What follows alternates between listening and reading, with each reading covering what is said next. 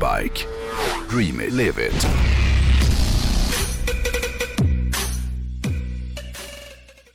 För några veckor sedan, Mm. när jag snackade om att HD lanserar Panamerican, Mm. så nämnde jag i förbifarten att BMW GS fyller 40 år i år. Mm. Och jag tänkte passa på att snacka om det här medan det fortfarande är 2020, men så kom jag ju på att när det här avsnittet läggs ut, då har det hunnit bli 2021, men jag Ja. tror kanske inte att det gör så mycket. Nej. Varje framgångssaga har ju en början. Mm. För BMWs GS så började jag då allting 1980. Ah. Eh, det var då som BMW Motorrad, som de heter då, eh, presenterade världens första stora dual sport motorcykel. Och det här var då deras R80 GS. Ah. Eh, och sen dess har BMW varit märket som liksom gått längst fram i det här segmentet och hela tiden skrivit nya framgångshistorier med hjälp av den här ganska nu ikoniska modellen. Ja. Och jag tänkte att jag idag skulle liksom rinna igenom historien om GS 40-års saga lite snabbt. Det råder ingen tvekan om att BMW GS rötter är liksom fast förankrade i offroad-segmentet. Det kan ju alla hålla med om. Allting började med att det var ingenjörerna på BMW på 80-talet, eller i slutet av, eh, ja det måste vara 79 gissar jag, som själva körde hoj. Ja. De började ta fram en motorcykel som skulle klara av att godkännas för vägregistrering utan att de egentligen fått en utvecklingsorder från BMW att göra det här. De hade liksom helt enkelt bara fått för sig att de skulle ta fram sin egen drömhoj då, som man liksom kunde köra både i skogen och på gatan med. Aha. Eh, Och den här prototypen, den visade sig ha ruskigt bra vägegenskaper. De är ju trots allt BMW-ingenjörer. Både bredvid och framförallt på vägen. Ja. Bland annat så gjorde den bra ifrån sig på sex dagars endurotävlingen där i slutet på 70-talet. Ah, Och det ja. dröjde då inte länge förrän ledningen på BMW gav projektet grönt ljus, trots att de från början då inte hade beställt den här hojen. Eh, och på under 21 månader så presenterade BMW resultatet för allmänheten. Och, och det var då alltså den allra första GS-hojen. Mm. Den här hojen eh, födde ju en helt ny fordonsklass skulle man kunna säga. Och man utvecklade kontinuerligt den här första hojen och fokuserade på att liksom förvandla den till en riktig långfärdsmaskin skulle man kanske kunna säga. Den skulle kunna ta dig var som helst och hur långt som helst då. Ja. Och tanken var att oavsett om du körde på motorvägar eller landsvägar eller i terrängen så skulle man liksom som förare ha full kontroll på hojen i alla vägsituationer. Tyskarna gillar ju att ha kontroll. Ja, kontroll. Ja, det gillar de. Eh, Men de gillar ju också komfort. Så även om det var viktigt att den här första generationens hojar skulle funka bra i spenaten då, så la de lika mycket krut på att den skulle fungera på riktigt långa resor. En annan grej som var speciell och väldigt effektiv var att GS-maskinerna hade ju, och har ju fortfarande, de har ju en svingarm som är ensidig eller vad man ska säga. BMW kallar väl det här för monolever. Och, och den kom ju på deras GS-modell och blev lite av den grejen som gjorde den här eh, hojen speciell för sin tid skulle man kunna säga. Den andra generationens GS kom 87 Ja. och sträckte sig till 96. Mm. More is more var ledordet för hur man tänkte gällande utvecklingen av eh, liksom andra generationens GS.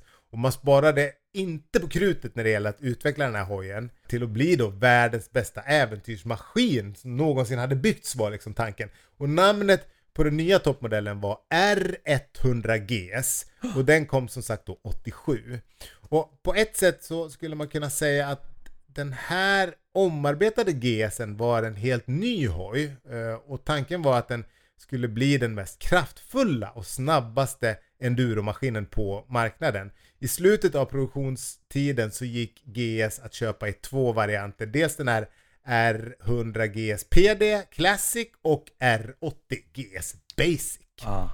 Sen mellan 94 och 2003 så fortsätter BMW att förfina GSen och utveckla den ytterligare. 1994 så dök R1100 GS upp på marknaden. Det var den första enduron med en fyrventilsmotor. Eh, det som var unikt med den här hojen var att den lyckades kombinera offroad och touring-egenskaper på ett helt nytt sätt. BMW var ju eh, bestämda i den här ambitionen att bli varumärket som liksom skulle förknippas med världens bästa äventyrshojar. Så man satsade enorma resurser på att liksom förfina den här hojen in i minsta detalj då.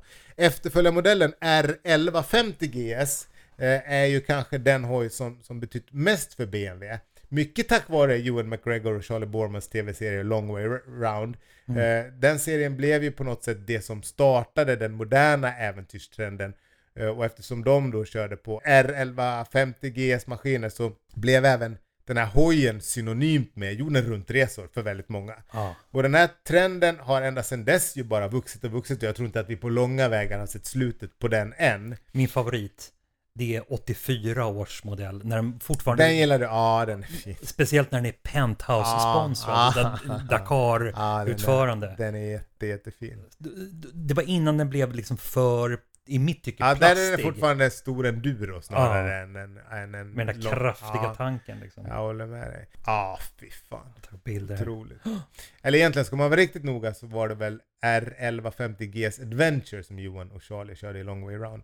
Eh, det här var ju en hoj som BMW lanserade 2002 och den var ju skräddarsydd för att möta kraven från liksom overland motorcyklister. Och det var ju faktiskt så att från början så var ju tanken att de skulle köra KTM-hojar.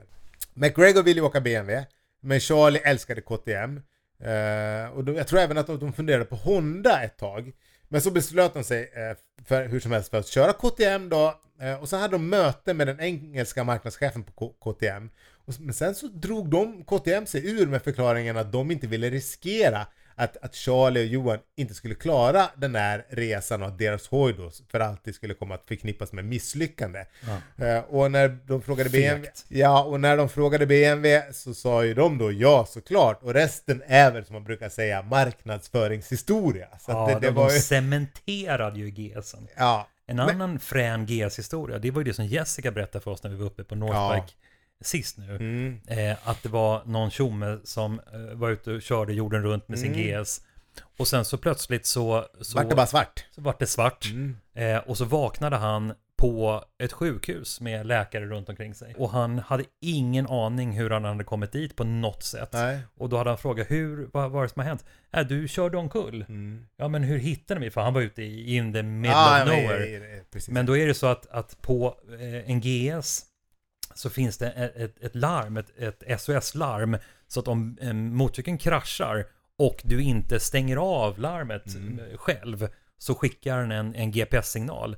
Så att de såg på någon larmcentral att här är en, en motorcykel som har kört omkull och föraren verkar vara livlös. Och så skickar de dit en helikopter Mm. Ja. och han var ju medvetslös. Ja. Så in i helikoptern och så väg till sjukhus och allting. Så att han åkte ju och hämtade sin motorcykel sen när han tillfrisknade och den kommer han aldrig sälja. Nej, den har ju räddat livet på Ja. så den, eh, ja.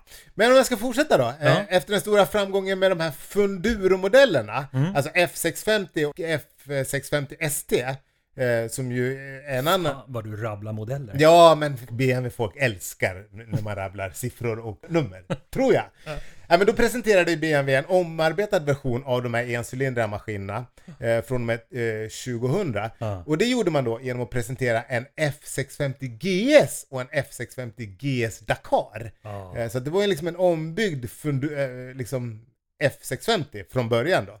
Eh, och de var ju mycket mindre än, än de andra GS-hojarna. Och det här gjorde ju att nybörjare och personer som kanske var lite mindre också nu kunde njuta av den här typiska GS-känslan. Eh, och nu när de hade en vattenkyld encylindrig GS eh, så fanns det plötsligt en, en GS som lämpade sig väldigt väl för att till exempel pendla till och från jobbet med. Men likväl fungerade att ta ut i skogen på helgerna. Och den här lilla GSen skulle också visa sig vara riktigt bra lämpad för Dakar. Och den var ju faktiskt först över mållinjen i hojklassen både 99 och 2000. Eh, Så det var ju en, en ny spännande liten, eller lite enklare GS på något sätt kanske man ska säga. 2004 så kom det ytterligare en GS. Nu hade de tyska ingenjörerna ökat kapaciteten, kraften och vridmomentet ordentligt. Men samtidigt fått ner vikten hela 30 kilo. Jag fattar inte hur det gick till. Men säger jag är inte ingenjör på BMW heller. 2005 så följde de upp då med, med R1200GS Adventure för riktiga globetrotters. R1200GS har liksom kontinuerligt förfinats, bland annat med det här ESA, Electronic Suspension Adjustment, som kom 2008. Ja. Eh, och nu kan ju föraren bland annat jus- justera chassit och hela upphängningen eh, för att passa vägförhållanden medan han kör då. Och det här är ju en av de sakerna som gör GS till en modell som alltid kommer gå i bräschen för att liksom sätta standarden för liksom äventyrssegmentet när det gäller hojar. Ja. Jag berättade ju om att den här F650 GSen, att den fick en efterföljare. Och det var deras F800 GS, eh, som var lite större variant och den kom 2008. Det här är ju lättare hojar som har väldigt bra enduro-egenskaper. Och de drivs ju för övrigt också med kedja, eh, som ju är lite vanligare för lättare skogshojar. Ja. Men F800 GS är ju dessutom en väldigt bra landsvägshoj. Det är också de här två modellerna som har hjälpt GS att bli världens mest sålda äventyrshoj. Mm. Eh, många gillar ju lite mindre modeller.